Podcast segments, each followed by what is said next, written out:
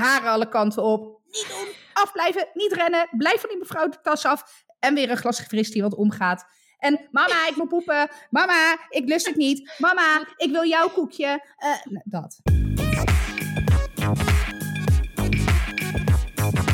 Hey, welkom. Leuk dat je weer luistert. Het is aflevering 109 van Dit is 30. En van de vier volwassenen die in de buurt van deze microfoon zitten, ben ik de enige die niet hoest.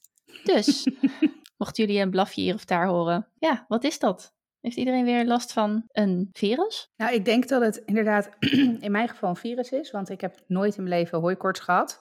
Ja. Dus ik denk niet dat ik nu ineens dit jaar begin met hooikoorts. Oh, dat is niet helemaal waar. Er zijn volgens mij twee jaar geweest waarin ik wel, maar dat waren eigenlijk alleen rode jeukende ogen. En uh, Milo is een week of twee geleden een beetje snotterig uh, geweest. Dus nou ja, 1 en 1 is 2. Hè? Mhm. Dus uh, blaffer die blaf. Ja, nou, het is wat het is. Ik heb wel een coronatestje gedaan, gewoon just in case, maar die was negatief. Dus uh, het is niet voor geen corona. Dat geen is corona. Nee. Nou, hooikoorts is bij mij ook op latere leeftijd gekomen. En het wisselt ook hoor, per jaar, vind ik. Ja, dat klopt wel. Want Frank die heeft ook pas op latere leeftijd uh, hooikoorts gekregen, inderdaad. Ik denk een jaar of, weet ik veel, zes, zeven geleden of zo. Ja, maar die, uh, die heeft het ook wel flink, ook wel flink Die heeft het flink, ja. ja. Ja. ja. Die neemt zelfs ook wel af en toe zo'n uh, antihistaminica pilletje, zeg maar, om de dag door te komen. Niet dat hij het gevoel heeft dat het enig effect heeft, maar... Uh... Oh ja, en ik heb ook best wel een tijdje... Ik ben eerst naar de huisarts geweest en elke keer verschillende geprobeerd. Nou, nu koop ik gewoon cetirizine bij de Lidl, Albert Heijn, waar ik dan ook ben, Ethos. En ik heb een tijdje gehad dat ik het echt zes maanden in het jaar aan het slikken was omdat je tegenwoordig die hooikoortsperiode, die strekt zich echt uit van maart tot en met oktober. Ja. Er is sinds een aantal jaar, ik heb me er niet heel erg in verdiept, maar er is sinds een aantal jaar een bepaalde plant die echt in oktober, soms in november nog bloeit en die best wel heftig op, ja, heftig op de hooikoorts kan reageren. Dus, uh, maar op een gegeven moment was ik daar zo zat van, want ik bleef, ik krijg voornamelijk een soort misselijkheidsgevoel, voel me dan gewoon niet lekker. Van de hooikoorts ja, van ja, echt pilletje? Een, uh, nee, echt een ziekig gevoel, ziekigheidsgevoel. Um, dat kan ook een uiting zijn van een allergie. Dus er is nog wel okay. meer onderzocht uiteindelijk ook. Waar de allergie zich openbaart, dat is ook een teken van daar zou het kunnen op, kunnen slaan. Dus het feit dat ik maagproblemen had, betekent dat ik misschien voor een bepaalde voeding... Voedsel, uh, ja, oh, ja, dus ja, ja, ja. hooikoorts, de pollen komen natuurlijk op je oog, slijm, ja. oogvlies hoornvlies, krijg je daar last van. Uh, komt in je neus, krijg je daar last van, zeg maar. Dus, ja. En op een gegeven moment was ik het zat met pillen slikken, dus ben ik gewoon gestopt. En ik denk dat ik dit jaar nu drie keer echt op het punt gestaan heb om toch zo'n pilletje te nemen. Maar in mijn ervaring is het, nou, de cetirizine werkt dan tot nu toe het best. En ik heb echt loratadine, desloratadine, wat, wat, weet je, al die, die dingetjes gehad. Ik denk dat dit de vierde is die ik probeer. Maar hij werkt wel pas na een uur of zo.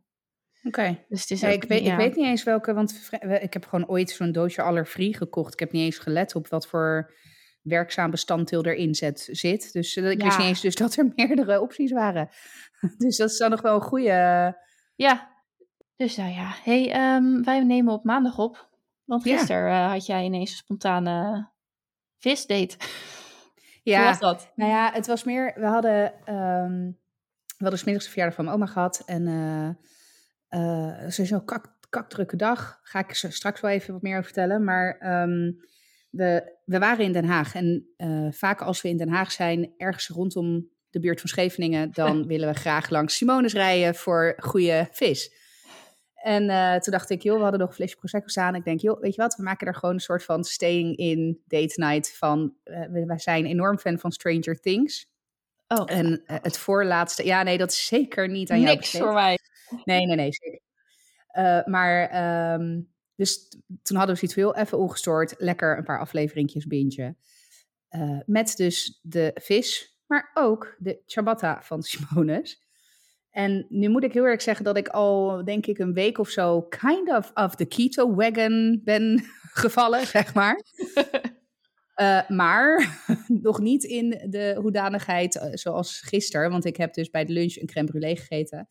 En dus s'avonds een half ciabatta weg zitten hakken met lekkere vis. Maar mijn bloedsuiker vond dat niet zo heel erg tof. Dus oh, ik was echt na, ik denk een uur of zo, ben ik echt ingestort op de bank. En uh, toen werd ik ook na een uur, en dat is voor mij kenmerkend, als ik een hyper heb, dan val ik echt ineens, stort ik in. En dan na een uur of zo, als mijn lichaam denk ik dan weer acceptabele suikerwaardes of zo uh, uh, heeft, dan word ik ook ineens weer wakker. Gewoon. Dus het is ja, alsof er soort van niks aan de hand is, alleen met heel veel dorst. Um, en dat was dus gisteren ook zo. En toen zei ik ook meteen van, ah shit, dit was een keto, of een keto, een hyper crash, zeg maar. Um, dus dat is een beetje in het water gevallen, zeg maar, ja. de, de date night. Maar de vis was erg lekker. maar een hyper is toch uh, uh, suikerwaarden schieten omhoog? Klopt. Ja, en waarom word je, want even ook voor de neutrale luisteraar en voor mij, uh, hoge suikerwaardes, dat zou ik eerder denken van, dan word je juist vet, um, nou niet eens energiek, maar rusteloos of anxious, weet je wel? Is dat, maar uit, is dat sowieso niet zo? Of uit zich een hyper of dan wel een hypo bij iedereen anders? Nou ja, ik, ik kan in principe alleen namens mezelf spreken. En wel een aantal mensen die ik ook ken diabetes, die diabetes hebben. Dus ik, ik ben zeker niet voor iedereen uh, aan het spreken. Maar over het algemeen kenmerkt een hyper zich echt zeg maar dus de hoge bloedsuikers juist in dat je gewoon nou ja, een soort van shutdown. Dus ik word echt extreem moe, maar het is ook een soort van, ik noem het altijd een ziekelijke vermoeidheid. Mm-hmm. Ik kan daar ook niet, niet aan toegeven, zeg maar. En een hypo, uh, dat heb ik eigenlijk alleen gehad in de periode dat ik insuline spoot toen ik zwanger was. Uh, die heb ik trouwens best wel vaak gehad, hypo's. En daar ga je ook oud. maar dan ga je echt completely out, zeg maar. Dat is ook echt oh, levensgevaarlijk, ja. een hypo. Ja. Uh, en dan moet je dus, uh, nou ja, als uh, de wie de weer gaat iets van suiker in je toetje nemen, zeg maar. Dus ik had altijd druifsuikertabletjes bij me. of dan nam ik een paar slokken gewone cola. Um, en dan at ik daarna een, een wat langzaam werkendere koolhydraat, zeg maar, om die bloedsuiker weer stabiel te houden. Dan ga je dus ook oud, maar dan ga je dus echt buiten bewustzijn oud. Ja, ja. Uh, en, en, men, en ik weet niet hoe dat precies zit er met hypers, of dat dan ook kan als je echt hele extreme bloedsuikerwaardes hebt. Dat durf ik echt niet te zeggen, vast wel. Um, ja, volgens mij wel, want dan heb je. Nou, nou ergens zal het wel. Acidiose volgens mij, maar ik weet niet meer of dat dan met hoge of met lage, dus extreem hoge of extreem lage bloedsuikerwaardes. Maar dan verzuur je. Uh, ja, geloof ik. Nee, ik weet, nee, durf ik nu niet te zeggen. Dat zou ik dan eerst ja, moeten opzoeken. Ik kan me voorstellen dat als een, een stof in het lichaam veel te hoog is, dan ergens gaat er een systeem uit. Of ja. ra rammelen. Of ja. Ja, dus nou ja, en dat, uh, dat had ik. En dat was echt heel lang geleden dat ik een hyper heb gehad. Dus, maar dat klopt ook wel, want ik ben ook alweer een maand of vier keto aan het eten. Ja. Maar uh, de crème brûlée in combinatie met een half ciabatta was kennelijk toch too much. dus ja, dat... Uh, dat was date Daardoor is, ja, precies. Ja, nou ja, en, en Frank was uiteindelijk ook uh, in slaap gedonderd. Wel gewoon vanuit vermoeidheid. Maar uh, ja. Dus dat. Hoe maar hoe was, was je, uh... Ja, oh, nou ja, ik, mijn, pff, ik heb dus twee keer drie uur in het zwembad gezeten. Ja. Want het was zover, het turbo zwemmen. Vandaag is het maandag, dus we hadden gisterochtend en deze ochtend uh, vandaag op Tweede Pinksterdag is ook altijd het familievoetbaltoernooi waar mijn familie aan meedoet en waar Jaden graag ook bij uh, meespeelt, onze oudste. Dus uh, nou, het leek zo mooi. Ik, ga, ik zou gisterochtend meegaan met de zwemles. Nog een soort van, met goede hoop, een e-reader meegenomen. Oortjes, om te denken. Nou, ja, ik kan nee. zeggen, want het, was, het is drie uur zwemles. Ja, maar je zit ook echt wel... Ouder drie... zit je er ook, zit er ook bij. Okay. Ja, je zit echt wel drie uur te kijken. Er zijn, vond ik ook zeer weinig ouders die echt weggingen. Er waren er echt twee of drie die hun tassen neerzetten en iets anders gingen doen. En fijn hoor, maar ja, heel veel ouders bleven daar toch ook echt wel bij zitten. Nee, je bent daar gewoon ook drie, uh, drie uur zit je te kijken. Op zich is wel oké okay, hoor. Um, dus nou, het ging hartstikke goed. Zondagochtend, hij drie uur gezwommen, uh, met halverwege een pauze. Er werd wel gezegd van neem, neem een set droge zwem kleren mee van lange broek en lange mouwen. Want na de pauze kunnen we dan eventueel weer met kleren aan gaan oefenen. Nou, dat was gisteren niet zo. Nou, na drie uur wij naar huis en gewoon voor de rest niet veel gedaan. Want ja, drie uur zwemmen voor die gasten. Het is, ja, dat is, is echt intensief hoor. Het is ja. echt intensief. En vandaag zou George dus meegaan naar de zwemles en ik zou meegaan naar het voetbaltoernooi. Maar die kwam blaffend, ook blaffend thuis. En niet per se ziek, maar ook niet per se heel fit. Dus ja, sowieso drie uur in een zwembad zitten, daar word je niet per se heel fris van. Maar ja, drie uur zitten blaffen door zo'n Ja, zwembad nee, heen. het is in een benauwd, of eh, toch in een, omgeving met een hoge luchtvochtigheid, wat over het algemeen überhaupt al, zeg maar, als je al een beetje een hoesje hebt, nou, dat helpt vaak niet, Niet. echt, zeg maar. Ja, Nee, en eh, gewoon ook met, ja, ik, ik heb het niet eens op die manier met hem over gehad. Maar ik zou zelf ook last hebben van richting de andere ouders. ja, ja awkwardness. constant zitten Ja. hoesten, hoesten, Ja. hoesten, hoesten, hoesten. Dus uiteindelijk zijn we erop uitgekomen dat ik ook vandaag mee ben geweest. En daarna gelijk door ben gegaan naar het voetbaltoernooi. Holy shit, we hebben Ja. een aardige dag. eh. Zeker, zeker. En het was koud vanmiddag buiten, Ik wou net zeggen, ik, Oh, ik, ik wilde nog vanmiddag op een gegeven moment een story plaatsen op ons Instagram-account met, nou, hoe is jouw tweede Pinksterdag? Die van mij is echt verregend, verzeken, hè? Maar dat, ik heb echt geen enkel recht van spreken, want ik ben echt Zeker binnen gebleven niet. de hele dag. Ja. Maar jij stond buiten. Oh mijn god. ik stond buiten. you. Dus ja, dus de ochtend in een eh, zwemparadijs doorgebracht. En eh, de middag eh, buiten. Ja, Dat is zeg maar ook wel het verschil tussen subtropische temperaturen en dan naar buiten waar het 16 graden is en het, het Het was- alleen, alleen maar regen de hele het was echt koud. En dag. Ja, en ik heb best, ik heb, eh, best een grote familie. Ik heb best wel veel neefjes en nichtjes. Maar ook, ehm, ik ben de derde oudste, zeg maar. En dan is er nog één van, eh, die is jonger dan Jaden. Dus, eh, en dat is jouw directe dat is mijn directe neef, neefje. zeg maar. Ja, Ja, eerste graad neefje. Ja, dat is, eh, oké. dat is oh, dat is best wel een aardige range, zeg maar, Ja. qua leeftijden. Ja. Ja, en het is allemaal heel leuk en gezellig. En ik vind het echt heel bijzonder. Maar goed, bij zo'n familietoernooi ben je dus...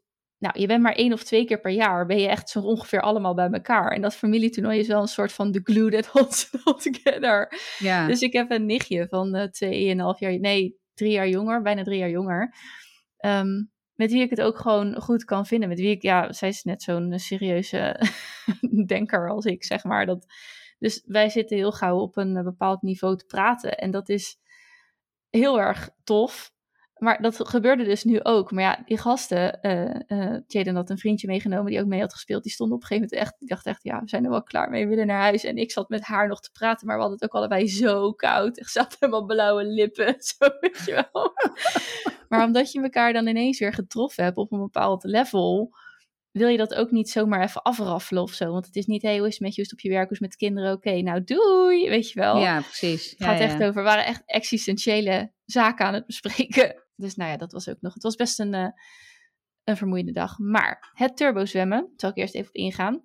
Ik heb ze echt gecomplimenteerd ook over hoe het geregeld was. Hoe die juffen en meesters, die kinderen er ook echt drie uur bij houden. Was echt goed. Veel variatie. Dan weer even dit hoekje, dan weer daar. Dan de kinderen uit elkaar halen en met die de borstcrawl oefenen. Met de ander duiken. En weet je wel, dus dat was, het ik vond het echt sterk in elkaar zitten. Iedereen bleef ook aangehaakt van die juffen en meesters. eh, dus dat, ik, vond, ik vond het echt wel professioneel.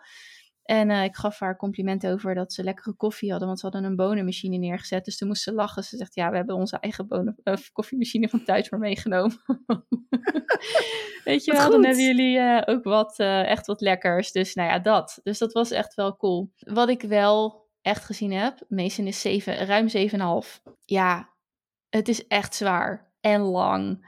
En de concentratie hè, moet er ook kunnen zijn. Je moet die, die, die, Ja. die spanningsboog kunnen Maar ook als kind, weet je wel. Die leer, die, de, de juffen en meesters doen er echt alles aan hoor.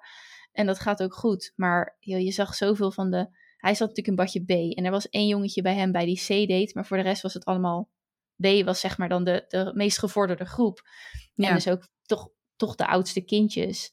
Eh, ja, de kinderen in de andere clubjes, klasjes, die... Want volgens mij was het vanaf badje 4. Dus dat is het badje voor dat je voor A mag gaan mag. oefenen. Ja. Ja, dan zie je toch ook wel een hoop gastjes en meisjes echt... Ja, die gaan dan spelen of klooien. Of en op een Ja, gegeven moment die ouders die dan toch nog een soort van proberen in te grijpen... wat het eigenlijk nog erger maakt. Maar ergens dacht ik ook, ik snap het wel van die ouders. Maar weet je wel, dus dat... Drie uur is dan echt te lang voor Ja. die, gasten. Ja, ja dus dat hij 7,5 is eh, en eh, taakgericht en gedisciplineerd. Als, het, is, het is een gedisciplineerd kind. Hij, moet, hij doet wat er moet geda- eh, gedaan moet worden en wat er van hem gevraagd wordt. En, maar ik moet echt zeggen, hij is ook echt een goeroe voor me geworden. Want schoolslag zwemmen met kleding is letterlijk survival voor deze jongen.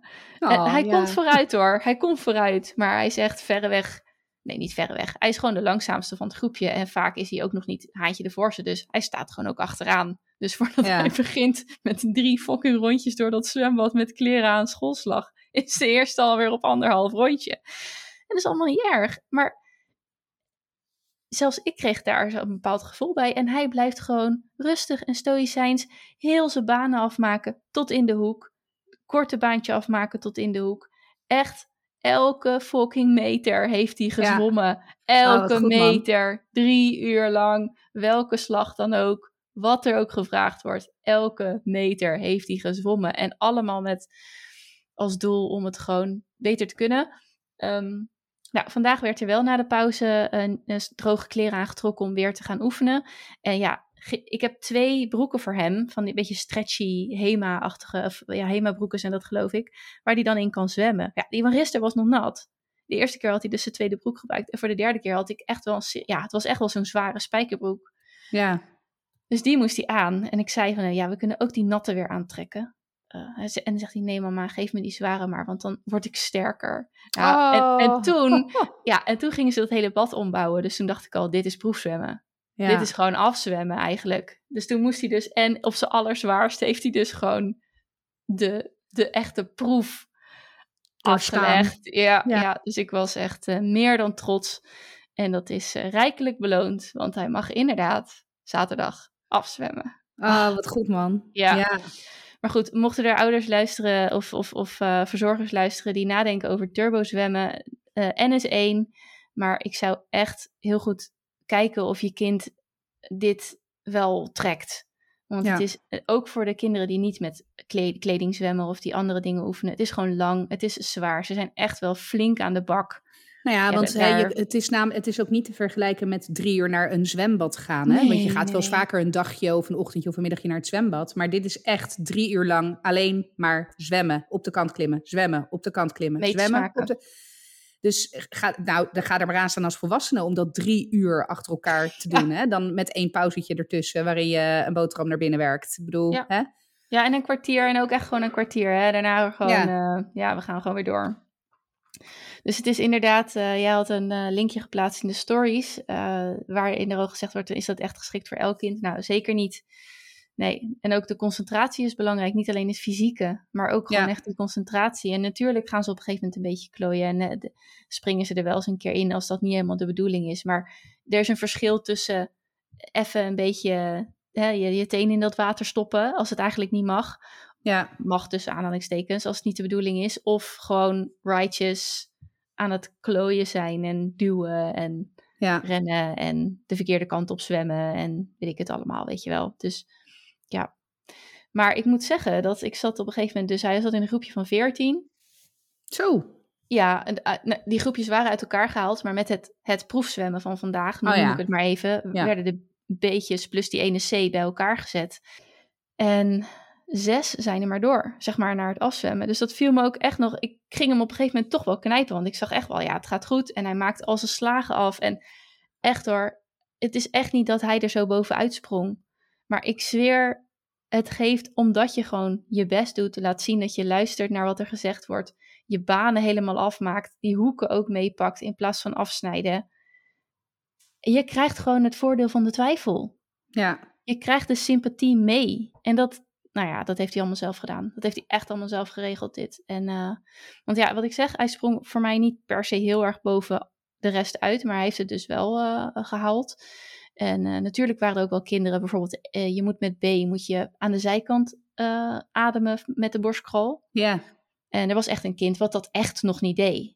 Dus die echt gewoon recht vooruit ademhaalde. Ja, dat, dan kan je niet afzwemmen, dat snap ik wel. Maar ja, dat, dat, de anderen waren echt op, ja, op toch wel wat kleinere. Ik zag het in ieder geval niet zo goed, weet je wel. ja. Voor een leek dacht ik echt, oh nou ja, eh, die hele groep is wel bijna door. Dus eh, ja, het, dus toen werd het nog, werden de, werden de kindjes, eh, werden er acht kindjes naar de duikplank, zeg maar, verwezen. En hij stond bij een groepje wat nog bij de meester stond. Ik dacht, toen ging ik hem echt wel knijpen. Ik denk, oh, oh, gaat hij, is, staat hij nou bij de, aan de goede kant of niet? Maar godzijdank, ja, het mag en we zijn klaar. Zaterdag nog Halleluja. Feestje. Ja, en uh, betekent voor mij uh, toch uh, scheren. Want nu is het mijn beurt om met het kind het water in te gaan op het moment dat hij klaar is met zijn zwemmen. En ja, hè, dan ga ik toch niet met flapperende, wavy schaamhaar door dat zwembad zwerven. Dus nou ja, het wordt scheren. Het wordt scheren, maar ja. wacht even hoor. Het is jouw beurt om het zwembad in te gaan? Ja, er wordt zeg maar een soort van gekscherend wordt er gezegd bij het afzwemmen. Neem maar droge kleren mee, want er zouden nog wel eens ouders een nat pak kunnen halen. Oh, echt? Ja, en bij Jaden... Was dat ook met het A? Ja, bij ons wel. Maar bij Jaden weet ik nog dat toen hij afzwom, werden ouders dus uitgenodigd om met het watertrappelen mee te doen. Ja. Dus dat hele systeem is ons wel bekend. Maar in dit geval uh, was het dan zo dat je, ze hebben zo'n baan in het midden waar je overheen kan rennen. En als je dat goed doet, blijf je droog. Maar als je dan een beetje wiebelt, dan val je er natuurlijk wel in. Of als je semi-express erin uh, duikt, ja. valt. Dus uh, daar, daar gaan ze dan aan het allereinde gaan ze er allemaal over, overheen rennen. En dan worden dus wel ouders uitgenodigd van... Uh, Wat superleuk! Ja, of, of broers of zussen, weet je wel. En uh, vorige keer was er bijvoorbeeld ook een jongetje wat met Mason uh, tegelijk afzwom. En die had een zusje wat één badje lager zat. Weet je wel, dus die, uh, ja. die ging meerennen. En ja, inderdaad wat ouders die, die dat dan doen. Dus nou ja, George ging vorige keer met Mason mee. Maar die had al zoiets van, hm, maar ik was ongesteld. Dus je had goeie, een goed reden. Nou, nu is het vijf weken later. En aangezien ik nog steeds redelijk op de klok uh, 29 dagen cyclus heb, kan ik deze nu niet inzetten. Nee. Dus ja. Jeetje. Nou, dit is nog een reden. Want jij, jij appte mij uh, vanmiddag uh, een fotootje van alle groene dolfijntjes ja. en ballonnetjes. En uh, nou ja, toen, ik, ik, volgens mij, ik weet niet eens of ik dat in de podcast heb gezegd, maar ik, uh, nee, volgens mij vroeg jij een keertje aan mij over hoe tevreden ben jij met jouw zwemschool. En toen ja. zei ik moi, en toen vroeg ik het eigenlijk ook aan jou. En toen zat ik er al, toen zei ik inderdaad al van nou, het is voor mij niet een gegeven dat Milo naar dezelfde zwemschool gaat als Zeno, uh, als het straks tijd is. En eigenlijk heeft uh, deze ervaring, jouw ervaring met turbozwemmen, uh, en maar ook dit, hoe je vertelt over het afzwemmen, heeft dat echt wel bevestigd. Want uh, Zeno die heeft, nou ik weet niet, maar die heeft in ieder geval een stuk langer als een A-diploma, stuk, in ieder geval een stukje langer als een A-diploma dan, dan Mason. Hij zit al heel lang op twee laatste dolfijntjes te, ja, te wachten, zeg maar. Bij jou scoren ze ook maar één keer per maand, hè? Ze scoren bij mij maar één keer per maand. Ja. Um, ik moet eerlijk zeggen, want je hebt dan wel per soort van onderdeel heb je een soort van clinics die je kan inzetten. Ja. Uh, alleen de borstkrolclinic is maar één keer per week. Zit ook iedere keer rammend vol en is ook op een moment dat het mij eigenlijk niet uitkomt, school en uh, werktechnisch. Uh, nu is daar wel een mouw aan te passen, weet je wel. Daar, dat is niet voor mij de, de halszaak. Maar ja, ze zitten ook iedere keer vol. En ik merkte vorige keer ook met zo'n gewone inhaalles ja, Zeno die lept gewoon de andere kinderen. Ja. Dus die, die is echt, als je het hebt over, nou met name de schoolslag, die is zo ontzettend snel. Dat, het dat ik, ik, ik zat echt met open mond te kijken, dat ik echt dacht, oh, huh? Ik, ik snapte ook even niet meer zo goed hoe het kan dat hij dus nog niet up voor zijn zwemdiploma is. Toen ik zijn borstkrol zag, dacht ik, oh ja, want hij vergeet zijn rechterarm. het is net als zo, hij, hij, echt, die linkerarm gaat heel erg keurig. En dan dat rechterarmpje, dat, dat, is, dan wordt dan een soort van meegesleept oh, is een soort Nemo, een soort Nemo, ja, met nou, zo'n uh, Lucky Fin. Ja, ja. Lucky Fin, ja. Dus dacht ik, oké, okay, fair enough. Maar uh, ja, verder, hij, hij zwemt echt, echt ontzettend snel, goed, keurig, weet je wel. Uh, en nou ja, wat ik al zei, op een gegeven moment heeft hij gewoon twee of drie kinderen gelept. En dat is niet één keer gebeurd, maar dat gebeurde iedere keer als ze drie rondjes moesten zwemmen. Ja. Dus, um, dus nou ja, en, en los daarvan uh, vind ik ook, er zijn ons bij mijn zwemschool ontzettend veel wisselingen in de juffen en meesters, maar echt, echt heel veel. Uh, er is ook heel veel hommeles geweest, uh, zeg maar, uh, in het managementteam daar. Waar, weet je, waar we ook wel op zich goed over geïnformeerd zijn. Maar van ik dacht, ja, hè, dat helpt ook niet, zeg maar. Nee. nee. Dus nee, ik ben al met al, ik ben niet... nou, laat ik het zo zeggen. Ik heb de keuze gemaakt dat Milo naar de zwemacademie gaat. Ik ga het ook gewoon zeggen, waar, ja. jij, waar jouw zwemschool, zeg maar. Ja.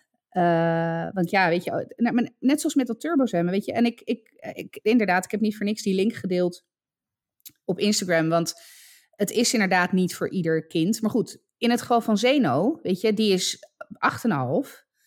Uh, ja, dit, had hij, dit had hij echt prima aangekund. Zeker. Zo, en dat niet alleen, maar dan had hij nu zijn B gehad en hij wil ook graag voor zijn C. Dan had hij ook dat binnen afzienbare tijd kunnen cheffen. Nu gaat er hoe dan ook een maand voorbij, omdat het scoringsmoment maar één keer per maand is. Ja. En ik zeg niet dat hij van B naar C moet binnen een maand hoor, maar weet je, als hij dat scoremoment niet pakt, dan is het weer een maand verder. Ja. Ja, het zijn echt die nuances. Want bij ons wordt ook wel gezegd, uh, er wordt geprobeerd zeg maar wel elke les te scoren, maar uh, soms uh, sowieso één keer per maand. Dus dan is het een under promise over deliver, want het wordt drie van de vier weken wel gedaan. Ja. Uh, en ik moet zeggen dat, dat, um, dat ik ze ook heel. Ja, ik heb ze echt wel. Ze kennen hem. Maar goed, na 2,5 jaar, fair enough. Maar weet je wel, dus uh, er wordt ook echt. Die loopt met zo'n bandje naar de balie. Met van ja, hij mag afzwemmen. Oh, uh, weet je wel, gelijk zijn naam opschrijven. Ja. Dus dat vind ik, vind ik prettig. Um, ja, en dan nog één ding met dat turbo zwemmen. Ja, ik was heel blij dat meesten het dus haalden. en het is natuurlijk maar net, net welke ja, druk of verwachting je er zelf op legt. Tuurlijk. Ik, ik, merkte toch aan mezelf dat ik toch echt 90% zat te verwachten dat hij het dus zou gaan afzwemmen aanstaande zaterdag. Maar uiteindelijk. Ja, maar goed, het kan ook niet zo zijn natuurlijk. Het kan nee, ook, ja. en ik dacht toch, eh, ze probeerden dat echt heel netjes te doen. Hè? Dus het is niet van zo, jullie mogen in dat hoekje gaan staan en dan gaan we met deze zes een feestje vieren.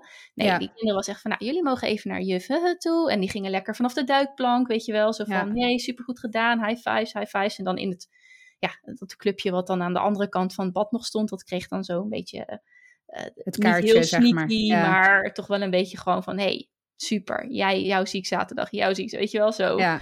Maar ja, die kinderen zijn natuurlijk niet gek. Nee. Ja. dus, uh, dus dat, um, ja, ik denk dat daar best wel wat uh, teleurstelling zou kunnen zijn. Dus ja. Dus daar moest ik ook nog aan denken. Maar goed, uh, zal ik, nog, ik ga even nog een ander verhaaltje vertellen. Je zit daar dus inderdaad drie uur. Over het algemeen naast dezelfde ouder. en ik zat dus gisteren zat ik naast uh, een, een, een stelletje. Um, want één begeleider per kind is voor sommige mensen toch moeilijk. Moeilijk. Ja. En, uh, maar uh, it's fine. Um, daarnaast zat een man en die zat dus met, met, met die kerel te praten. En die zat, en bla bla bla, en bla bla. En het ging over, weet ik het, Rolexen en weet ik het, ja, gouden auto's, whatever. Het was echt een uh, wedstrijdje verpissen, maar prima. Want die kende dan weer een proefvoetballer die daar, weet ik veel. Maar goed, een van de gesprekken die ik echt niet kon negeren ging over het schoolvoetbaltoernooi. Het oh, is een schoolvoetbaltoernooi. En deze heer had dus het, uh, een, een meidenteam gecoacht. Um, Uiteindelijk bleek het meidenteam op basis van één doelpunt minder niet door te gaan naar de finale. Dus gelijke punten uh, gescoord met een ander meidenteam. Dus op doelsaldo niet door. Nou, super zuur natuurlijk. Toen kwam meneer, dat was dus zijn team, toen kwam meneer erachter dat de vader van een van die meiden heel veel wedstrijden had gefloten. Ook van die meiden. Nou, hmm. dus hij was verhaal gaan halen. Hij had 20 minuten hier gestaan. Hij had die aangesproken. KNVB, Weet ik het allemaal. Ja, ja, ja, dit komt toch niet. Al is het maar dat dit nooit meer iemand anders overkomt. En ik zat echt, ik dacht, maar, hoe belangrijk maak je jezelf? Ik snap dat het zuur is. Ja, want clubvoetbal, prima. Maar schoolvoetbal kan je maar één keer in je leven winnen. Nou, ik zat echt met mijn oren te klappen. ik denk echt. Ja, maar dit is dus ook zo'n schreeuwer die langs de lijn staat, weet je wel. Dit is dus ook mijn nachtmerrie met betrekking tot het leven na het zwem-ABC. Ja, ja, ja. Ja, daar ben ik ook bang voor. dit is zo'n figuur die je gewoon een, een high five met een stoel in zijn gezicht wil geven tijdens zo'n wedstrijd. Ja, heel graag. Zelfs op dat moment had ik al het idee van... Ik pak zo'n bankje waar we op zitten en die gooi ik in zijn gezicht. Want dit slaat helemaal... wat gaat dit is, nou ja, ik, ik kan me hier gewoon helemaal niets bij voorstellen. Ja, de, de zuurheid van het leven. Maar, maar, maar even als je het doorvertelt, wat vertel je je kinderen ook hiermee? Ja, ja, geen idee. Ja, dat je altijd maar moet zoeken naar het is niet eerlijk. Ja, en heel eerlijk, als kinderen iets leren of iets van dit soort dingen leren, is ook hoe om te gaan met de emoties van verlies en van teleurstelling en van... En zelfs al zou het niet eerlijk zijn, dan ook accepteren dat het leven soms gewoon nou eenmaal niet eerlijk is. En dat het niet de wet van de grootste bek is. Nee. Dus ik hoop ook dat hij zijn zin niet heeft gekregen. Want, Nee, nee, nou nee, want uiteindelijk was hij tot aan de KNVB gegaan en was het, zijn doel was uiteindelijk geshift naar als dit, nog maar, no- als dit maar nooit meer iemand overkomt. Mijn god, hé. Oh, Get over yourself. ja, heel wonderlijk. Ik heb allemaal nog dingen. Jij had nog een hele drukke dag. Is dat nog iets waar je op Ja. in wil eh, gaan? Nou, ja. eh, ja, nou, de, de, de drukte. Ja, nou, eh, ja. Nou, eh, ja. Nee, de drukte begon eigenlijk al zaterdagmiddag. Nou, ik moet heel eerlijk zeggen, we zitten weer in zo'n lekkere fase waarin het tussen de twee jongens echt voor geen meter botert. Met alle gevolgen van die en het feit dat Frank en ik een vrij kleine energie, zo niet non-existent energiereserve hebben, maakt dat wij ook daar, nou ja, soms ook niet op een hele verre manier op inspringen. Dus ik heb meerdere keren geschreeuwd tegen mijn kinderen dit weekend, eh, tot mijn grote spijt. Maar ja, eh, ik heb daarna wel mijn excuses aangeboden aan mijn kinderen. Not proud of it. Maar goed, anyway. Dat is de fase waar we in zitten. En eh, zaterdag was Frank met Milo lekker een stuk gaan fietsen. Want dat gebeurt wel vaker. Dan neemt de een de een, de ander de ander. eh, en dan hè, bewaren we op die manier de lieve vrede. Dus Frank was, zij zegt, joh, ik neem hem mee. Geen idee hoe laat ik terug ben. We zien het wel. Ik zeg, joh, helemaal dik prima. ik was van plan om dan de schuur te gaan bijtsen. Want die is nog steeds, heeft hij maar één lakbijts aan één kant van, van de schuur. Dus hè, je het hebt over never-ending projects. Ik ben altijd heel goed in het beginnen van projecten, maar het afmaken daarentegen. Oh wel, procrastination queen eh, hier. Maar goed, dus dat was het plan. Ik had zelfs mijn verfkleren al aangetrokken. en ehm, op een gegeven moment om half vier appt eh, mijn vader me... joh, heb je zin om een rondje mee te gaan op de boot? Dus eh, nou ja, half uur later stond mijn vader voor de deur. Dus wij de boot gepakt. En nou echt, het was echt super lekker. Het was eh, echt perfecte temperatuur, zonnetje. We hebben een rondje... eh, de boot ligt in Leiderdorp en we zijn richting Alphen aan de Rijn gegaan. Een stukje, het heet, dat heet het Paddengat. Dat is dan een water vlak voor het Brazemermeer. Nou ja, en toen kwamen we op een gegeven moment bij een brug. En bruggen in Nederland hebben openings- en sluitingstijden, zeg maar. Dus die, die worden, zeg maar, bediend tot een bepaald tijdstip.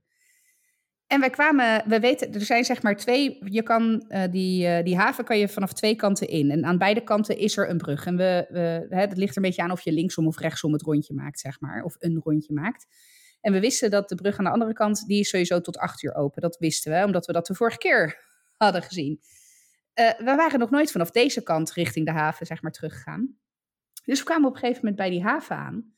En je hebt eh, bij sommige, eh, bij de haven, sorry, bij de brug aan. En bij sommige bruggen heb je een soort van eh, brugwachtershuisjes, zeg maar. Ehm, dat zijn dan de bruggen die dus niet op afstand bediend worden. En ik, het viel me op toen we, zeg maar, aankwamen varen, dat die luiken dicht waren. En het was Mhm. half zeven, zeven uur, zoiets. Dus nou, en er, er was ook geen bel. Hè. Vaak bij bruggen, zeker als ze op afstand worden bediend, is er dan waar je je boot, zeg maar, als het ware aanmeert tijdelijk, zit er ook een bel waarmee je de brugwachter kunt oproepen. Eh, zeker als je nog geen marifoon hebt. Maar goed, dat was er dus niet. En ik, we zagen een bord hangen, dus ik lezen, ja, openingstijden tot zes uur. Dus wij zo, kak. De brug was dus al dicht, zeg maar. Dus we konden niet, vanaf die kant niet naar de haven. Maar we redden het ook niet om het rondje helemaal terug de andere kant op te Oh, varen. Ja. Om die brug van acht uur te halen. ja. Dus we were lost in limbo, zeg maar. Wat doe je dan? Nou ja, wat doe je dan? Dan ga je op zoek naar een andere jachthaven met passantenplekken, zeg maar. Oh ja. Dus gelukkig vlak voor die brug was er jachthaven Freek. Nou, thank the Lord dat er nog één passantenplek over Och. was. Maar goed, er stond best wel op dat moment een stevige wind. Nou, mijn ouders hebben best wel een redelijke boot. Ehm, en dat is ook iets wat ik me nooit heb gerealiseerd. Maar je weet, bij een zeilboot vangen alle zeilen de wind. Dus als je dan gaat aanmeren of whatever, dan doe je je zeil- zeilen naar beneden. Want dan hè, ben je Ja, meer ja. bestuurbaar. Ja, dat gaat met een gewone boot, ik weet ik veel, speedboot, whatever. Ja, een niet. motorbootje. Motorboot. Sorry. Ja, Nou, ja, motorboot is het wel. En Ja. dus dat is nou eh, evenveel, zeg maar, aan oppervlakte wat wind vangt als een zeil. dus wij moesten een passantenplek op en de wind stond haaks op de passantenplek. Dus het was Oh. echt een gekloot om. En we waren natuurlijk maar met z'n tweeën. Uh, dus weet je, mijn vader die moest de boot besturen en ik moest proberen om de kant met een soort van lasso of op de kant te springen om die boot. Nou, het was echt, nou, godzijdank uiteindelijk kwam er dus uh, een, iemand van een andere boot die ons dus zag staan kloten. Die kwam de steiger oplopen. Hij zei, joh, zou ik even helpen? Dus die hebben we uiteindelijk het touw toegegooid en het is helemaal goed gekomen. Inmiddels was het half acht, acht uur, ik weet niet. Dus ik Frank gelijk bellen toen we hadden aangemeerd. Ik zeg, uh, schatje, dit is het verhaal. Kun je ons komen redden? Dus ja, Frank is dus naar, in Hoogmade, in de middle of nowhere, naar die camping gereden om ons op te pikken. Maar goed, wij hadden natuurlijk nog niet gegeten. Uh, Frank had volgens mij, nee, Frank had ook nog niet gegeten. Uh, Milo wel. Dus toen hadden ze iets van, ja, weet je, laten we dan maar even iets gaan eten en let's make a night out of it. Maar goed, toen zijn we uiteindelijk naar de beren gegaan bij het Noord-A. Het was echt super, het was echt nog lekker buiten. Dus we hebben lekker buiten gegeten en het was eigenlijk heel erg gezellig. Dat zijn van die nou ja, spontane momenten dat je denkt, oh, ja. oké. hè? Uh, maar goed, dus toen kwam natuurlijk stap 2, was die boot die stond dan wel op die plek, maar die moest ook weer terug dus uiteindelijk naar onze eigen jachthaven. Toen zijn we dus gisterochtend eerst naar uh, camping Freek, zeg maar, gaan terug, of waar de boot nu lag. Uiteindelijk zijn we dus met z'n allen weer die boot opgegaan. Zijn we teruggegaan naar onze eigen jachthaven. Nou, hebben we de auto weer opgehaald. Nou, hele logistieke... Weer, ja, precies. Ja, dus nou, toen waren we om één uur thuis. En om twee uur moesten we in Den Haag zijn voor de verjaardagslunch oh, van mijn oma. Dus nou, ik had al drie dagen niet gedoucht. Ik denk, weet je, mijn oksels wassen equals douchen. Dus fijn. Op het Ja. dus ik mijn, mijn trainingspak uit en mijn leuke verjaardagsjurkje aan. En getoogd naar Merenbos uh, in Den Haag. trouwens echt een heel leuk, wel echt een heel leuk uh, tentje in de nou, Park Merenbos, vlakbij, uh, vlakbij Kijkduin. En nou, toen hebben we daar ge, geluncht. van twee tot half vijf of zo. Maar ja, dat was dus een beetje het kutten. Want we hadden, mijn oma had ook mede bedacht om daar te gaan lunchen. Want uh, die taverne zit zeg maar echt in het park. Dus uh, je hebt dat het terras. En weet je, de kinderen kunnen daar dan vrij spelen. Dus weet je, dat is echt super relaxed. Dus ook in de, in, redelijk dichtbij is een grote speeltuin. Dus je kan dan ook nog als ouder zeggen, joh, ik ga even met ze naar de speeltuin. Maar ja, dan moet het niet met bakken uit de hemel komen. En dan is het ineens wel een semi-chique tent waar je dan binnen zit met twee kinderen oh, van acht ja. en vier. Ja, dus nou, mijn hmm. oma had wel heel lief, had ze krijtjes meegenomen en papier en kaarten. En nou ja, dus ze had wel voor wat entertainment gezorgd. En ik moet heel eerlijk zeggen, dat ging ook echt wel een uurtje goed. Ja. Maar ja, toen hadden ze allebei weer bedacht dat ze elkaar het leven zuur ging maken. En dus ook ons leven. Oh. Maar uh, ja, op een gegeven moment was het zeg maar wel klaar. En toen realiseerde ik me van, ja jeetje man, dat lunchen met kinderen dat is wel, uh, dat is wel een ding, zeg maar. Als het, vooral als het met kut weer. Kijk, met mooi weer is het, kan je er nog wel ergens op instellen. Want dan ga je, hè, dan heb ik inmiddels wel wat plekken waarvan ik weet, hey, een hele mooie is bijvoorbeeld Snowworld. Die heeft dat. Uh, ja, zo'n speeltuin. Dat, uh, zo'n speeltuin, open speeltuin buiten. Ja, perfect. Ja. Ja, daar moet ik nog steeds een keer uh, naartoe. Ja, het is inderdaad. Um... Maar binnen is wel een dingetje, zeg maar. Ja, nou, ik moest er laatst ook aan, aan denken. Aan, uh, ik vind het, zeg maar, het idee van eh, op zo'n vrije dag uh, lekker even lunchen met, met het gezin. Dat is altijd heel gezellig, maar dat is het idee. Maar doe je het nu? Want, nou oké, okay, bear with me. Het leven met kinderen is, als je met je kinderen bent, dan nemen ze per definitie 99% van je headspace in beslag. Ja, zeker. Met vragen, met er zijn, met dingen doen. Ook leuke dingen hoor. Het is niet alleen, alleen maar kutgezeik. Maar ze nemen gewoon heel veel van je headspace in beslag. En wat ik dus bij mezelf merk, is dan ga ik dus lunchen en dan heb ik het, het idee dat het dan toch ook, dat ik dan toch ook een soort van quality time met George heb. Maar dat is helemaal niet zo. Nee, Want je bent niet. nog steeds met die kinderen. Dus ja, heb jij dat dan ook, dat je dan eigenlijk daar zit, dat je toch een soort van gefrustreerd raakt, omdat je niet met elkaar kan praten? Zeker. Omdat je toch weer boterham aan het snijden bent, of nou, nou ja, dat ook hè. Uh, wat eten die kinderen? Tosti? Of patat?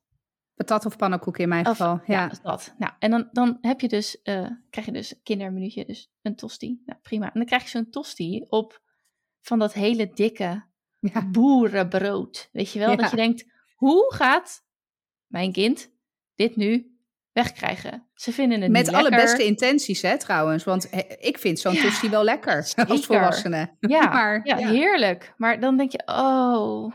Dus ik heb ook wel eens gevraagd van, is het dan heel dik gesneden? Nou, nee hoor. Krijg ik kom er toch steeds zo'n hompen brood aan. Ik denk, dit is, dit is niet wat ik bedoel. Dit is niet wat ik bedoel. Dus dan zit je daar weer mee. Maar Ja.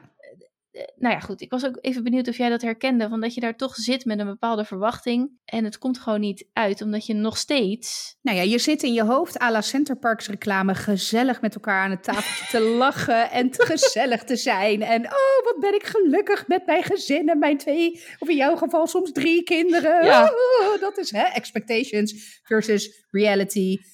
Haren alle kanten op. Niet doen, afblijven, niet rennen. Blijf van die mevrouw de tas af. En weer een glas fris die wat omgaat. En mama, ik moet poepen. Mama, ik lust het niet. Mama, ik wil jouw koekje. Eh, nou, dat. Ja. Dus ik... eh, Of dat ze iets bestellen en dan denk je ook, dit is prima, krijgen ze het serveer- geserveerd. En je ziet al aan die koppen, dit is niet wat ze verwacht hadden. ja, Dit is niet zoals die thuis een tosti krijgt geserveerd. Want er zit geen mayonaise bij, maar wel ketchup. dit moet ik niet. En bij Louis ook, dat moet dan ook zo ver mogelijk bij zijn bord vandaan. Hè? Dat kan er Oh, niet naast staan, maar Nee, dat moet dan nee. aan de andere kant van de tafel. Nou, bij Ketchup. Milo moet het bij voorkeur op de grond. Maar Ja, maar ook echt hè, met ketchup ook gaan schuiven. Terwijl je met andere borden ook zit en alleen maar denkt: oh mijn god, ik wil niet dat dit bakje nu op mijn broek eh, terechtkomt. Nee, het is, het is echt dat expectation versus reality. Eigenlijk til je gewoon je dagelijkse drukte op met elkaar en ga je dat ergens anders doen. Terwijl je verwachting is een soort van dat je ergens gaat zitten en het heel relaxed hebt of zo met elkaar. Maar waarom zou je dat ineens? Waarom nu wel ineens? omdat dat is wat je voorgeschoteld krijgt door allerlei reclamebureaus. Ja, dat is dus Center Parks is dus gewoon eigenlijk de. Het is gewoon allemaal de schuld van Centerparks. Dus nou, het is in ieder geval eh, inderdaad fijn. Dus wat je ook zegt, ehm, zo'n Snow World met zo'n, eh, eh, met zo'n hoe zeg je dat? Speeltuin. Speeltuin ernaast, dank je. Speeltuin ernaast. Je hebt ook, ja, dat is bij Dekker, maar ik vergeet elke keer die naam. Maar Ja, daar heb je Happy ook Italy of zo. Nee, niet Happy Nee. Italy, die andere. Maar daar, daar ben ik een keer, ook een keer geweest. Ja, dan heb je zo'n speelding binnen, maar dan heb je ook dat Ja. strandding buiten nu. Dus dat zijn altijd wel prettige dingen. Ja. Maar alleen binnen zitten, ja, je- het is toch lastig. En wat ik dan in ieder geval fijn vind, en ik weet niet of je dat ook herkent, maar wat, waar ik heel veel rust van krijg, is als het personeel je als gezin ziet, ziet met je gezinsstruggles, zeg maar. Ja, Want soms word je inderdaad soort of met de beste wil van de wereld geholpen, maar als ik daar met die kinderen zit, dan zit ik daar niet om drieënhalf uur te tafelen nee. Waar ik zeg maar maanden geleden ooit eens zei dat ik ergens was gaan eten, waarna een tien minuten zeg maar de volgende gang opkwam. En dat ze echt kwam, ben je al klaar met eten? Ja, hartstikke idee de volgende. Nou, dat hoeft niet per se als ik met George ben. Als ik met kinderen wel, heel graag. Ja, Hoef ik echt niet heel lang, eh, heel lang te zitten. Nee, wat ik zelf wel prettig vind als je het dan hebt over... eh, Ik moet zeggen dat ik, als je in Zoetermeer... wil ik altijd heel graag naar de Dorpstraat bijvoorbeeld, hè? want dat is dan gezellig. Maar eerlijk gezegd kom ik daar met die kinderen eigenlijk nergens echt. Nee. En in Stadshart vind ik het op zich ook niet echt iets, maar daar heb je nog Barista. Dat zit op dat Cadenzaplein. Die eh, hebben sowieso wel een mooie open, open space binnen. En die hebben ook zo'n kinderhoek. Ja, dat is ook- fijn. Ja, dat is echt heel fijn. En dan, dan hebben ze, weet je, wel, het hoeft ook allemaal niet heel veel te zijn. Maar als ze een beetje heen en weer kunnen hosselen met een autootje hier of daar. En dan hebben ze ook een, ja, hun eigen hoekje waar ze naartoe kunnen, zeg maar. Dus ze hebben onze tafel en dan de kinderhoek. En op de een Ja. of andere manier is dan het al kunnen oversteken van de een naar de ander. Geeft al een soort van break. Ja. In plaats van je moet ze bij je tafel houden, want dat is het plekje wat je hebt. En ja, je wil andere mensen niet tot last zijn, zeg maar. Exact, ja, Ja. ja. En wat ook wel tof is, is dat ze daar luiers in de toiletten hebben. Oh, echt joh? Ja, nou ja, kijk zelf. en jij hebt ze inmiddels ook. Ik trouwens ook nog naar vragen. Jij hebt ze inmiddels ook niet meer nodig. Maar je weet toch dat als je moeder bent en op pad gaat met zo'n luiertas waar alles in zit. Trouwens, niet alleen een luiertas, want in mijn tas zit nu ook speelgoed, snoep, eh. Duplo, eh, Ja. potloodjes, eh, whatever. En, ehm, maar dat je altijd toch iets vergeet, iets wat essentieel is. Dus dan sta Zoals je een luier. luier. Dus dan sta je daar, kak overal. En dan denk je... Oh, Oh ja hoor, been there, done that. Ja, dus daar word Ja. je echt er zo diep ongelukkig van. Dus nee, dat vind ik echt, eh, echt een goede Maar zaak. wat wel tof, dat, dat, hè, we hebben het vorige keer volgens mij gehad over eh, hygiëneproducten op wc's.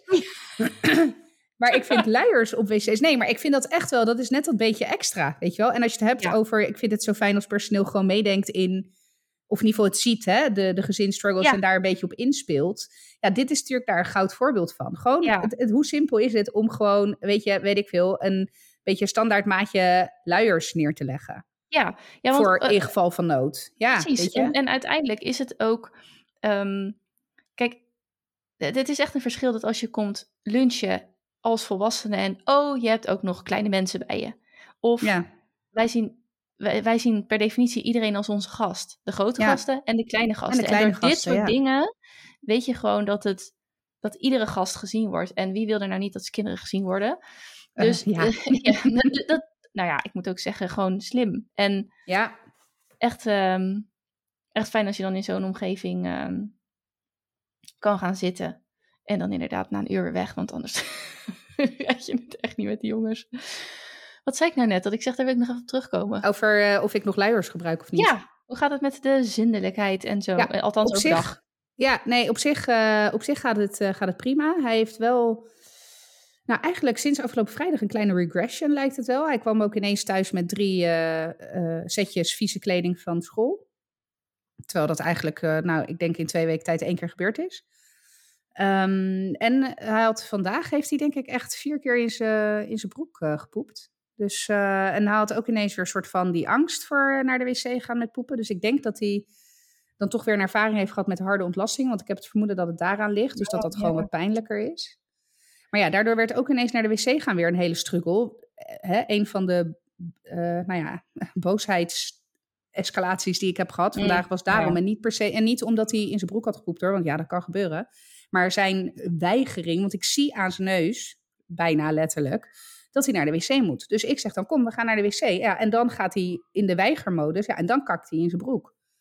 Ja, ja maar dat, dat je aan, aan dat hoofd ziet dat er wat moet gebeuren, dat is Ja. inderdaad zo. En op het moment dat je dan zegt, je gaat mee, weet je wel. Je, Ja, ja, ja. Weet je wel, ik hou je van... Louis heeft ook een tijdje gehad, dan wilde die knuffel. Dus Tijdens wilde kakken. knuffel. En dan dacht ja, dan zit jij dus als ouder letterlijk met je neus. Ja.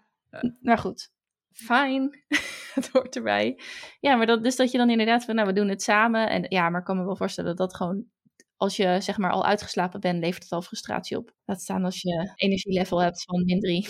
Nee, dan, dan helpt dat niet. Dus, eh, dus ja, en eh, verder, verder op zich prima hoor. Hij, eh, wat, wat mij dus opvalt is dat hij vrijwel iedere ochtend met een droge luier wakker wordt. Dus dat, dacht ik ook gelijk, Oh, nou, misschien moeten we hem maar door gaan pakken. Maar eh, ja, dus het, zit hem, het hangt eh, bij hem, zit hem vooral in het eh poep op dit moment. En ik denk dat hij vrijdag gewoon, ja, misschien wel gewoon heel erg moe was. Of eh, te engaged met wat hij aan het doen was en dat hij daardoor toch vergat. Want ik merk ook dat de ongelukjes die hij heeft, zijn vaak op de BSO en niet zozeer in de klas. Dus ik denk ook dat zijn juf vrij goed strak Mm, in de gaten houdt dat hij periodiek naar de wc gaat. Eh, en de BSO denk ik, dat ja, en dat snap ik ook, weet je, die zijn daar dan wat minder toch mee bezig, eh, denk ik. is een aanname hoor, die ik doe. Dat is wel iets trouwens, goede even mental note dat ik daar even naar ga vragen. Ja, Ehm, dus het gaat eigenlijk gaat het heel goed. Nou, alleen nu even dan, nou ja, ineens eh, toch weer vier vieze broeken. Ja. Die ik trouwens, nou, we hebben ze niet alle vier weggegooid, maar in ieder geval twee van de vier wel. Weet je, daar zit dan ook zoveel in dat ik denk, oké, zeeman onderbroekje, ga ik geen eer meer aan behalen. Doei! later. Ja, precies. Toch bijzonder ook dat zo'n verandering van omgeving zoveel, dat het ook gewoon andere dingen mee kan laten veranderen. Ja, En het gewoon, eh, het gewoon doen. Nou, fijn. hey, ik, eh, je ik een geitenwolle sok eh, ben. Hè? En ik weet dat Mhm. ik al heel lang niet zo daarop heb, eh, daar iets mee heb gedaan. Sowieso niet in de podcast. Maar het is weer zover. Oh, we hebben me- weer ons geitenwolle sokken moment. Nou, wat ik dus nu aan het doen ben, is ik ben mijn eigen zuurdesem aan het maken.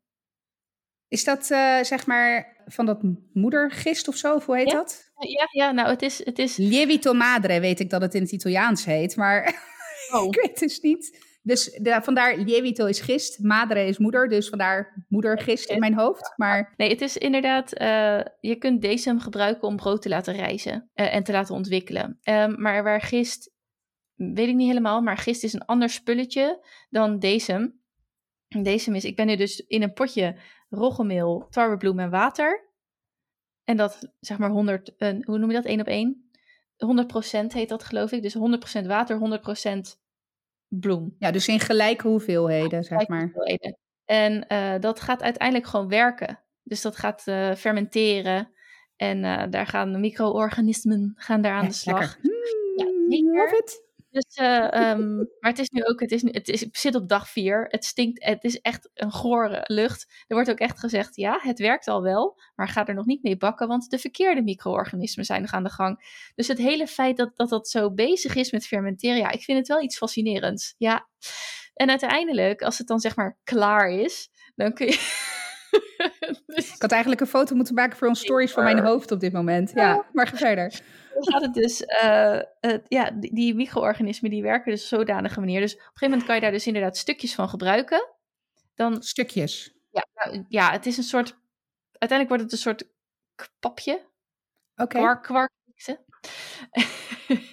en daar haal je dan, uh, weet ik het, 10 of 20 gram uit of zo, of 90, misschien wel iets meer. Nou, in ieder geval, je haalt er bepaalde gram uit en dat vul je dan weer aan, zodat je het voedt. Dan wordt ja. het meer en dat is dan een, als onderdeel van je deeg. Ja, en dan ga je natuurlijk verder gewoon verwerken. Dus in plaats van dat je daar een zakje gist bij flikkert of een blokje, gooi je er dit bij. Ja, dit is inderdaad hetzelfde idee als lievito madre, zeg maar. Ja, ja. Dat klopt, ja. Maar ik ben, okay. ik, ben, uh, ik ben wel een bakker hoor. En ik ben, heb ook inmiddels wel wat brood gebakken. Maar ik ben nog niet een hele erge, hele erge ervaren thuisbakker. En ik dacht, nou leuk, ik ga dit proberen. Toen hoorde ik dus, ik heb, ik heb nu contact met iemand die wel een ervaren thuisbakker is. En die heeft gezegd, nou, deze broden bakken is hartstikke leuk, maar het heeft wel voor wat frustratie gezorgd hoor bij mij, want het lukt gewoon niet altijd. En toen dacht ik, misschien was ik wat ambitieus. maar we gaan het wel meemaken. Want je, weet die... ook, je weet overigens dat de meeste mensen zeg maar deze fase hebben gehad in de eerste lockdown, toen al het brood op was oh. in supermarkten. Nee, dat wist ik niet. Nou, oh, daardoor, dus ik weet echt... ik dus, daardoor weet ik dus wat lievito madre is. Want ik volg, ik volg ook een aantal Italiaanse, zeg maar, Instagrammers. En die ja. hebben dus allemaal in die eerste lockdown, zijn, is iedereen massaal aan het brood oh, bakken. Dus ik kom eigenlijk gewoon 2,5 jaar achter de meute aan. Nee, maar dat is, dat is alleen maar prettig. Want jij bent niet van het meegaan met de dat is waar. stroom. Ja. Dus nou ja, ik ben heel benieuwd. Maar dat hele decemmakerij, ik voelde me wel weer helemaal, zeg maar, geaard en zo. Weet je wel? Gewoon, ja. Dus nou ja, ik hou jullie wel op de hoogte. Als het ik goed ben wel is, benieuwd, uh, want ik moet ja. eerlijk zeggen, jij, een paar weken geleden bracht jij een stukje van jouw banana bread mee. Oh ja. Oh, en toen, ik heb, en ik, dat doe ik echt nooit, maar ik moest je echt, toen ik dat één plakje had gegeten, dat ik echt dacht, holy shit. Dit is was lekker. Nou ja, bij deze de tip, het is dus inderdaad het recept van Miljushka. Het, het, het bananenbroodrecept van Miljushka. Ja, het was echt, het was zo lekker dat ik Frank dus ook geen enkel plakje heb gegund. Ik heb gewoon dat hele stuk zelf opgevroten. Met een klein beetje dus gezouten roomboter erop. Oh my god. Dat was echt alsof een engeltje over je tong piste. Dus hey, als je het hebt over expectations versus reality. Expectations are high voor jouw zuurdesembrood. Hè? Dat, uh... Oh, oké. Okay. nou ja, dat geeft me extra motivatie om er echt wat van te maken. Ja, nee, het is, uh, het is hartstikke leuk. Ik ben benieuwd. Met deze moet eerst nog lukken, want dat moet 7 tot 10 dagen fermenteren. Fermenteren, ontwikkelen. Maar je moet ook, dus elke dag moet je het weer met nieuw spul voeden. En je moet ook heel veel weggooien. Dat is ook een beetje een gekkig idee. Maar ja, anders krijg je alleen maar een badkuip vol met bezem. Ja, daar heb je ook niet heel veel aan, zeg maar. Terwijl je het wel moet blijven voeden. Dus vandaar dat je gewoon de helft moet weggooien. Maar, um, of heel veel brood bakken. Of heel veel brood bakken, maar nog steeds, zeg maar, heb Oh nee, je... maar dat kan, dat kan niet, want het is dan nog niet klaar of zo. Nee, ja, je, je gebruikt een klein beetje van je bestaande decem. En dat doe je in een ander bakje, zeg maar. Dat vul je aan met wat je nodig hebt voor dat brood wat je wil Oké. bakken. Ja. Dus je maakt elke keer zoveel meer dat het, eh, ja, de, nou ja, ja, dan heb je, zit je op een gegeven moment met een badkuip met deze. Ja, dat Ik ben benieuwd. Ik, eh, ik eh, zie, kijk uit naar de story met een foto van jouw brouwsel. Nou, ja, ik heb wel foto's gemaakt, dus ik zal ze, mee, ik zal ze even meesturen. Dus, oh ja. hey, ehm, jij had nog een inclusiviteits-aha Ja, moment? Nou, dat was echt, dat, dat was echt, eh, nou eigenlijk, nou erg, best wel grappig. Maar oké, Frank is kleurenblind. Oh ja. En Dat, dat is hij- gek, hè? Want op de een of andere manier is dat elke keer bij mij, oh ja. Oh Ik- ja. dat is niet iets wat bij me blijft wat hangen. blijft terwijl hangen. ik dit al negen jaar weet of zo. Ja. Maar goed, Frank is kleurblind. Ja. Ja, Frank. Frank sorry, schatje. Frank is kleurenblind. Eh, hij, eh, hij zat van de week in een call eh, met een collega. En ik eh, liep langs, ging koffie zetten, minding my own business. En op een gegeven moment hoor ik hem tegen die collega zeggen... Ja, ehm, no offense, maar ik zie de verschillende kleuren die je in je spreadsheet aangeeft niet. Dus ik weet niet waar je het over hebt, zeg maar. En ik had me toch een aha-erleef noemen, want ik ben echt de queen of the colors in spreadsheets. Als ik dus wil aangeven, joh, dit moet gemuteerd worden of dit is niet goed of whatever. Hè? Dus ik Ja. gebruik heel vaak verschillende kleuren om bepaalde acties aan te geven wanneer ik dan werk weggeef aan andere mensen. En ineens dacht ik, holy shit hé. Ik heb daar nooit bij stilgestaan dat ik dus als ik dit naar iemand stuur die dus inderdaad kleurenblind is, dat het best wel eens zou kunnen zijn dat hij dat helemaal niet begrijpt of zo. Ik vond dat echt, ik denk nou, en ik leef toch al, nou ja, ruim elf jaar samen met iemand die kleurenblind is. Dus ja, ik heb oh ja, elke keer als je het zegt, maar eigenlijk heb jij dat ook nog. Nou ja, ik, ik- Nou ja. maar op een gegeven moment, want hij riep me ook, want ik reageerde daarop nadat hij klaar was met zijn call. Ik zeg, joh, maar wat zie je dan niet? Dus hij liet me inderdaad ook zien. En je hebt in Excel heb je zeg maar de standaard eh, rood-groen eh, kleuren, zeg Mhm. maar, die je kan eh, in, in conditional formatting, zeg maar. En die standaard kleurdeviaties, zeg maar, tussen rood en groen, ziet hij dus niet. Dus hij zegt, kijk, als iemand echt heel fel en heel fe- rood en Ja. heel veel groen eh, gebruikt, dan zie ik wel dat daar een kleurverschil in zit. Maar in de standaard vooraf geprogrammeerde kleurenschaal, zeg maar, in Excel, ziet hij dat dus niet. Ja, maar het is ook nog zo dat, dat ehm, hij ziet die felle kleuren misschien niet eens als rood en groen. Maar hij Nee, maar ziet hij wel, ziet het- het oh, verschil hier, ertussen. Dit is, ja, Ja. balkje 1 is duidelijk een Ja. andere kleur dan balkje 2. Ja, Oh, wauw. Maar hier, dit, is toch, dit, dit moeten toch veel meer mensen hebben dan? Want er Nou wordt ja, ontzettend veel met dat soort sheets gewerkt. En, en, ook, en ook met dit soort werk weggeven. Ik vond het trouwens wel een mooie, goed hè? mooie definitie. Zit als feed forward. Is dat wel eens gehoord? Geen feedback, maar feed Ja, forward. maar feed forward. Ja, oh precies. mijn god. Oké, werk weggeven. Ja, maar er wordt heel veel werk weggegeven op die, Op die manier. Ja.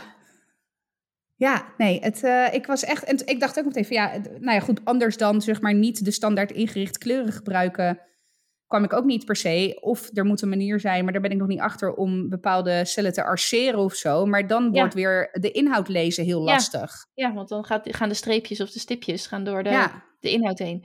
Ja. is het dan ook rood en groen zijn voor heel veel kleurenblinde mensen een klopt. moeilijk ding, hè? Ja, er zijn verschillende types eh, van kleurenblindheid inderdaad. Je hebt daltonisch, geloof ik, en weet ik veel. Nee, I don't know.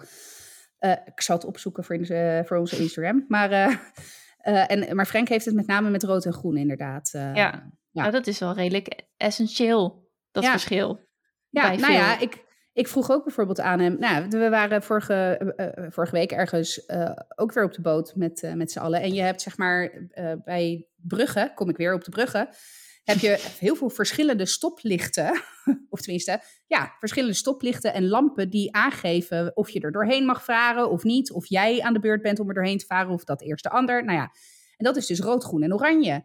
Dus op een gegeven moment zei mijn vader inderdaad van... joh, nee, hè, daar bij die oranje lamp, daar mogen we er onderdoor. En je zag Frank echt zo... eh, ik zie niet, geen verschil tussen welke lamp je nou Ik zie vier lampen. Welke is oranje? Ja. Ja, nou ja, en, en Frank die zei ook toen hij het me liet zien met die Excel-sheet... hij had vroeger altijd de droom om eh, F-16-piloot te worden.